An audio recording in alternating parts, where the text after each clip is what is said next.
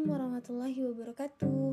Kembali lagi di podcast dengan tema ulasan fikih yang mana pembahasannya masih ter, masih seputar analisa fikih terhadap produk keuangan kontemporer.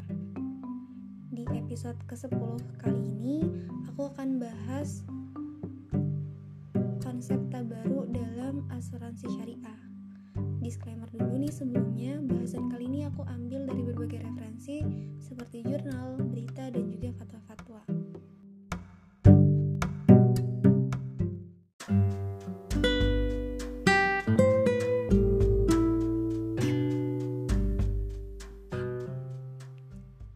Berdasarkan Fatwa DSN MUI nomor 21 tahun 2001 tentang pedoman umum asuransi syariah, dikatakan bahwa asuransi syariah ini merupakan usaha saling melindungi dan tolong-menolong di antara sejumlah orang atau pihak melalui investasi dalam bentuk aset yang memberikan pola pengembalian untuk menghadapi resiko tertentu melalui akad yang sesuai dengan syariah.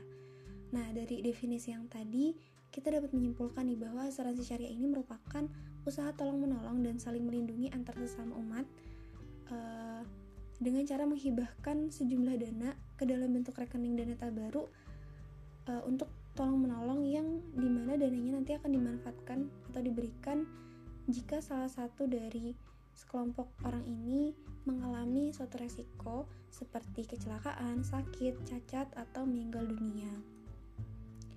Lalu bagaimana sih skema dari asuransi syariah itu sendiri? Jadi skemanya ini dimulai dari ada sekelompok orang yang berniat untuk saling tolong menolong e, jika terjadi resiko. Maka mereka menghibahkan sejumlah dana yang dikumpulkan dalam rekening yang disebut dengan rekening dana tabaru. Dana tolong menolong e, dengan menggunakan akad tabaru. Lalu dana tabaru ini dikelola oleh sebuah lembaga yang bernama asuransi syariah sebagai wak sebagai wakil dari sekelompok orang yang tadi yang dalam pengelolaannya asuransi syariah ini mengenakan biaya atau ujroh dengan menggunakan akad wakalah bil ujroh jika terjadi suatu resiko kepada sekumpulan uh, sekelompok orang tadi. Dalam penjelasan sebelumnya uh, dikatakan bahwa perjanjian antara sekelompok orang ini diikat dalam suatu akad yang sesuai dengan syariah.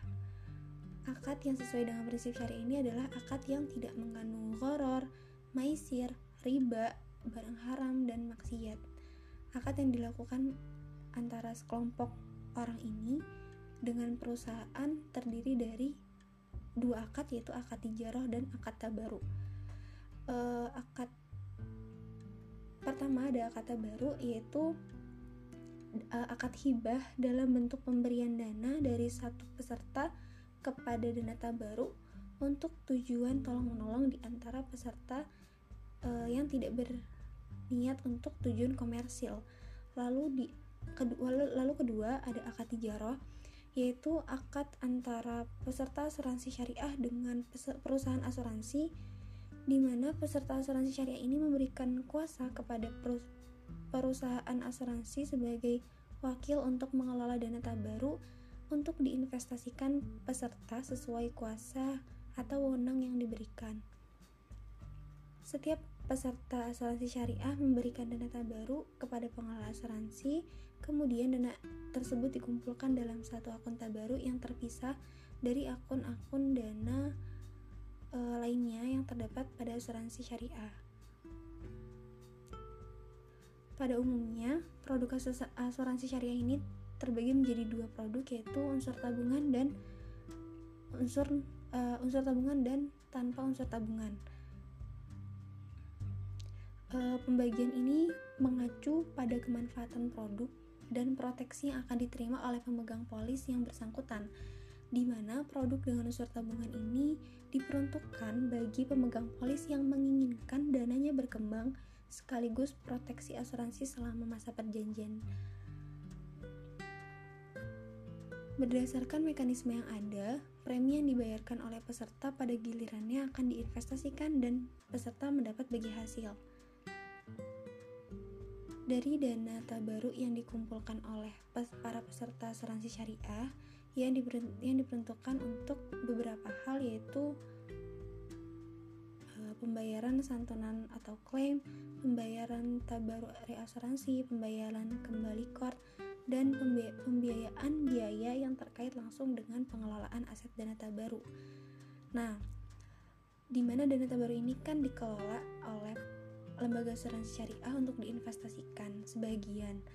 Apabila suatu periode terjadi surplus underwriting, ada tiga kemungkinan yang akan dilakukan dari dana uh, surplus ini yaitu pertama dana surplus ini diperlakukan seluruhnya sebagai ca cadangan dalam dana tabaru lalu yang kedua dana ini akan disimpan sebagian sebagai dana cadangan dan dibagikan sebagian lainnya kepada peserta yang, yang memenuhi syarat lalu yang ketiga uh, dana ini disimpan sebagian dan sebagiannya lagi akan dibagikan kepada perusahaan asuransi dan peserta sepanjang telah disepakati oleh peserta.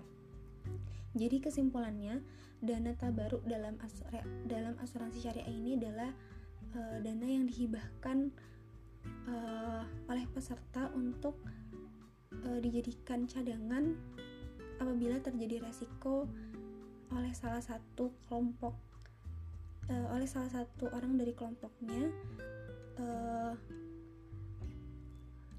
seperti kecelakaan, sakit, cacat, ataupun meninggal dunia. Sekian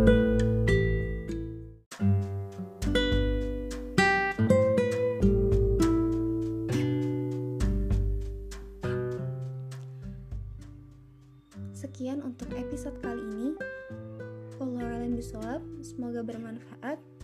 Sampai jumpa di episode selanjutnya. Wassalamualaikum warahmatullahi wabarakatuh.